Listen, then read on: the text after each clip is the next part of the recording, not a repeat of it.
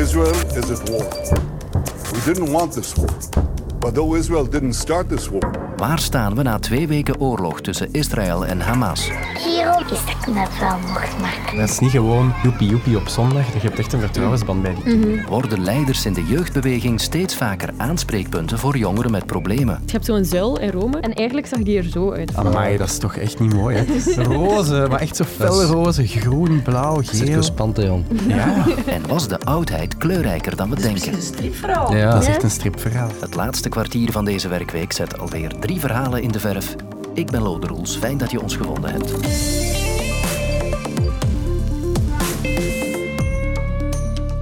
Al twee weken lang bereiken ons verschrikkelijke beelden vanuit de Gazastrook en Israël. De verhalen over verwoeste levens langs beide kanten, de bombardementen, het diplomatieke getouwtrek, het volgt elkaar in snel tempo op. Zo was er vandaag nog de Israëlische aanval nabij een kerk in Gazastad.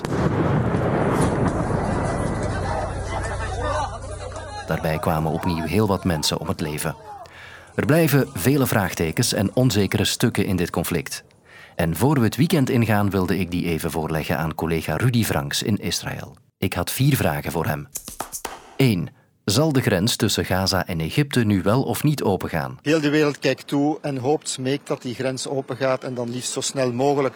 Het is nu al dagenlang en wel eens niet een spelletje dat het niet veilig zou zijn. Er zijn gebombardeerd, de weg moest hersteld worden.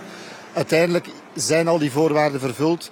Er moet ook een controle zijn op bij wie het komt. En het is wachten. Iedereen had gedacht dat het vandaag zou zijn. Nu wordt er al gefluisterd, gezegd dat het voor de komende dagen zou zijn. In de eerste plaats gaat het over het binnenbrengen van voedsel. Men wil ten allen prijze vermijden in Egypte en de Arabische wereld dat er Palestijnen massaal vertrekken. De enige waar sprake van is momenteel, is of die 1500 à 2000 mensen met ook een buitenlandse nationaliteit, Amerikanen, Europeanen, Belgen ook, dat die ook buiten zouden kunnen. Maar daar is nog voorlopig geen akkoord over en veel onduidelijkheid. Dit is de levensader voor meer dan 2 miljoen Palestijnen om te overleven de komende dagen. De mensen hebben alles nodig. Het is, het is een catastrofe. En als dat zo blijft duren, ja, wordt dat een uh, humanitaire crisis. Hè? En het moet over meer dan 20 trucks per dag gaan, maar misschien wel 100 en meer. Misschien nog meegeven, intussen is in Israël al voor 1000 ton wapens geleverd, nu op dit eigenste moment, terwijl er 1000 ton voedsel te wachten staat in de Sinaï voor de Palestijnen. 2. Hoe zit het met het aangekondigde grondoffensief van Israël? Het lijkt al een week aan te komen, dit grondoffensief, maar nu hangt het echt wel in de lucht. Hè. De politiek heeft groen licht gegeven. Amerikaanse president Biden heeft ongetwijfeld ook groen licht gegeven.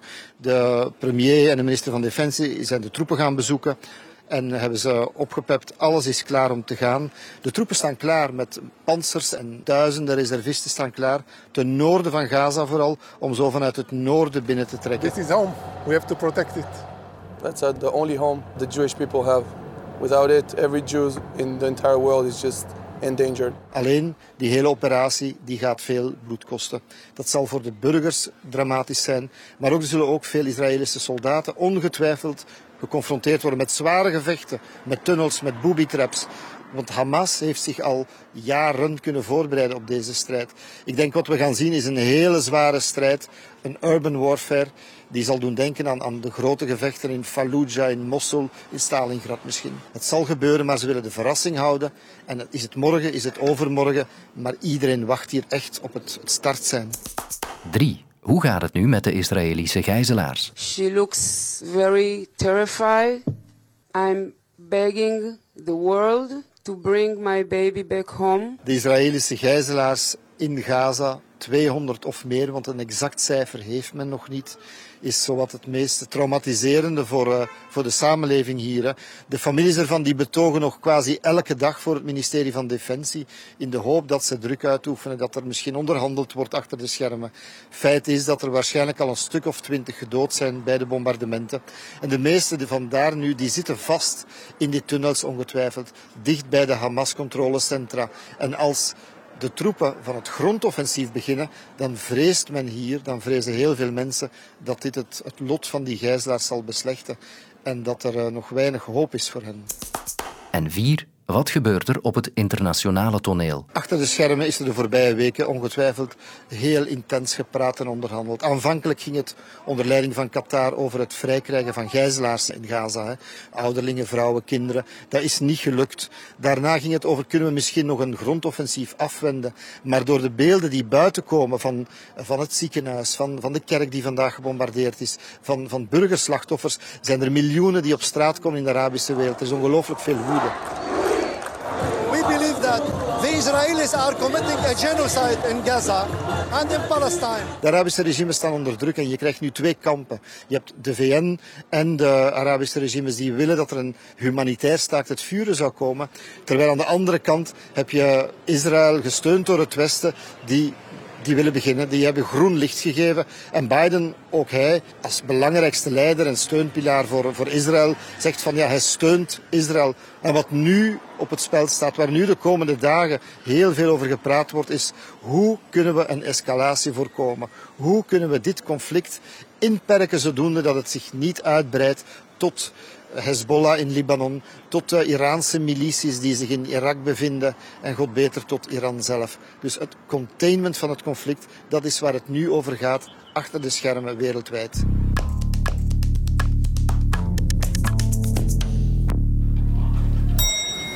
Op onze redactie hier passeren met de regelmaat van de klok bezoekers die een rondleiding op de VRT volgen. Vanochtend kwam er een groepje jongeren langs in scoutsuniformen. En die moest ik hebben. Ik ga ze twee minuten kapen, hè? sorry. Hè? Het is vandaag namelijk dag van de jeugdbeweging.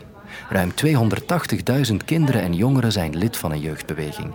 En 52.000 van hen staan in de leiding. Uh, ik ben bijna leiding bij Scouts Hoogland in Lokeren. Ik ben ook bijna leiding in Scouts Hoogland Lokeren. Die leiding doet veel meer dan spelletjes verzinnen of zomerkampen coördineren. Voor steeds meer jongeren zijn de leiders ook echte vertrouwenspersonen geworden. Als leiding ziet je je leden wel elke week en uh, je maakt wel veel dingen samen mee en zo.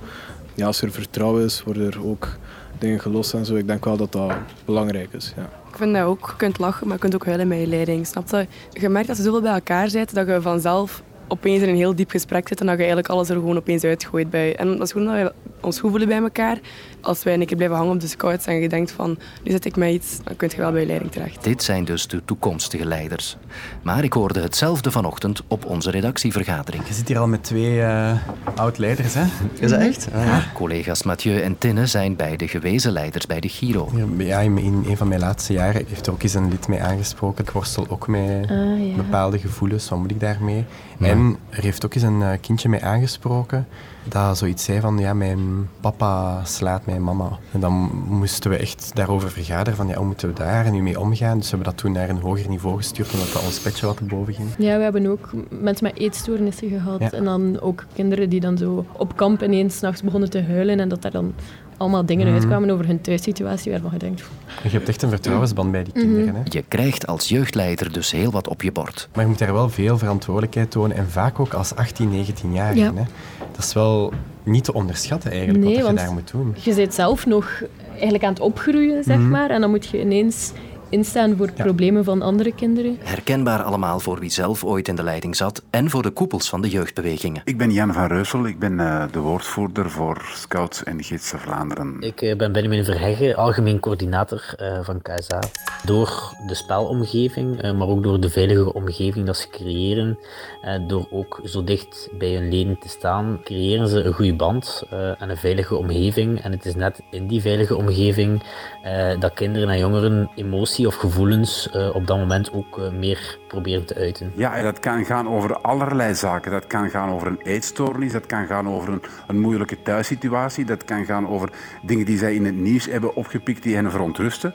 En dan vinden zij vaak in die jeugdgroep net de ongedwongen sfeer om op een veilige manier hun bezorgdheid of hun gerustheid ter sprake te brengen. Ik denk ook dat dat komt omdat er wel een stijging is rond uh, de vraag naar psychisch welzijn. En we zien dat ook in de, in de zorgsector. We zien dat uh, in het onderwijs, dat jongeren vaak wel uh, heel wat last op hun schouders hebben. Dat er ook een serieuze versnelling meespeelt binnen de samenleving. En dat, dat dat niet evident is en dat niet iedereen daar ook even goed mee om kan. We leven ook in een wereld online met heel veel vrijblijvendheid, waar wordt gesurfd en gezapt van links naar rechts en waar je heel vrijblijvend kan participeren en terug vertrekken. Een jeugdbeweging biedt net wel dat vaste karakter en die ankerplek. En het is niet zo dat scouts of giroleiders aan hun lot worden overgelaten, hoor ik. Het is ook belangrijk om die leiding ook duidelijk te maken dat dat ook binnen bepaalde grenzen ergens moet begrensd worden. En dat ze ook geen hulpverlener zijn. Ze zijn ook geen expert, ze zijn ook geen psycholoog. Eigenlijk heeft de leiding vooral een doorverwijsfunctie, waar dat dan eigenlijk de professionele hulpverlening aan de pas kan komen. Want die zijn nog altijd degene die op een professionele manier um, daarmee kunnen omgaan. En dat is vaak ook niet zo evident, omdat leiding ook namelijk ook in volle ontwikkeling is, ook soms uh, kampt met moeilijke momenten. Dus ja, is het ook wel onze taak om, uh, om te kijken wat, wat leiding aan kan en in hoeverre we daarin kunnen schakelen.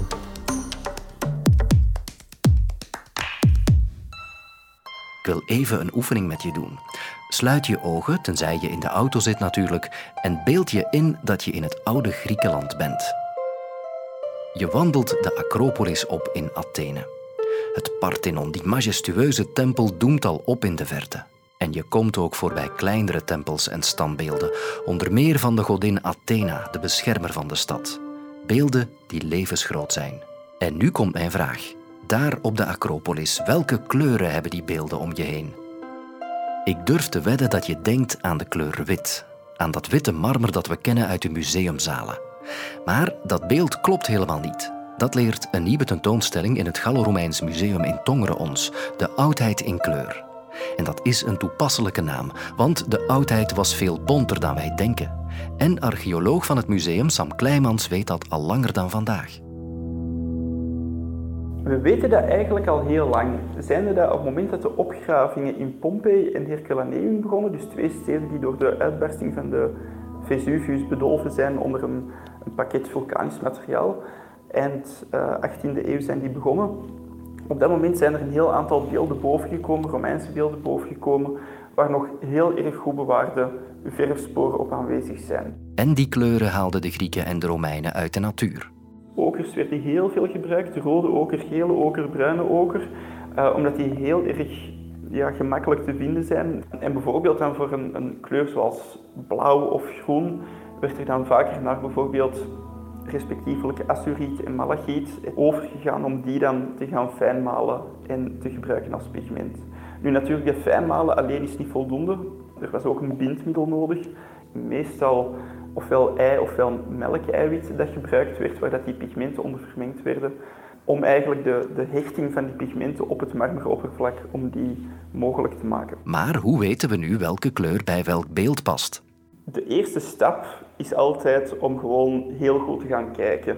Zeker op het haar bijvoorbeeld van heel veel antieke beelden zijn er nog kleursporen bewaard.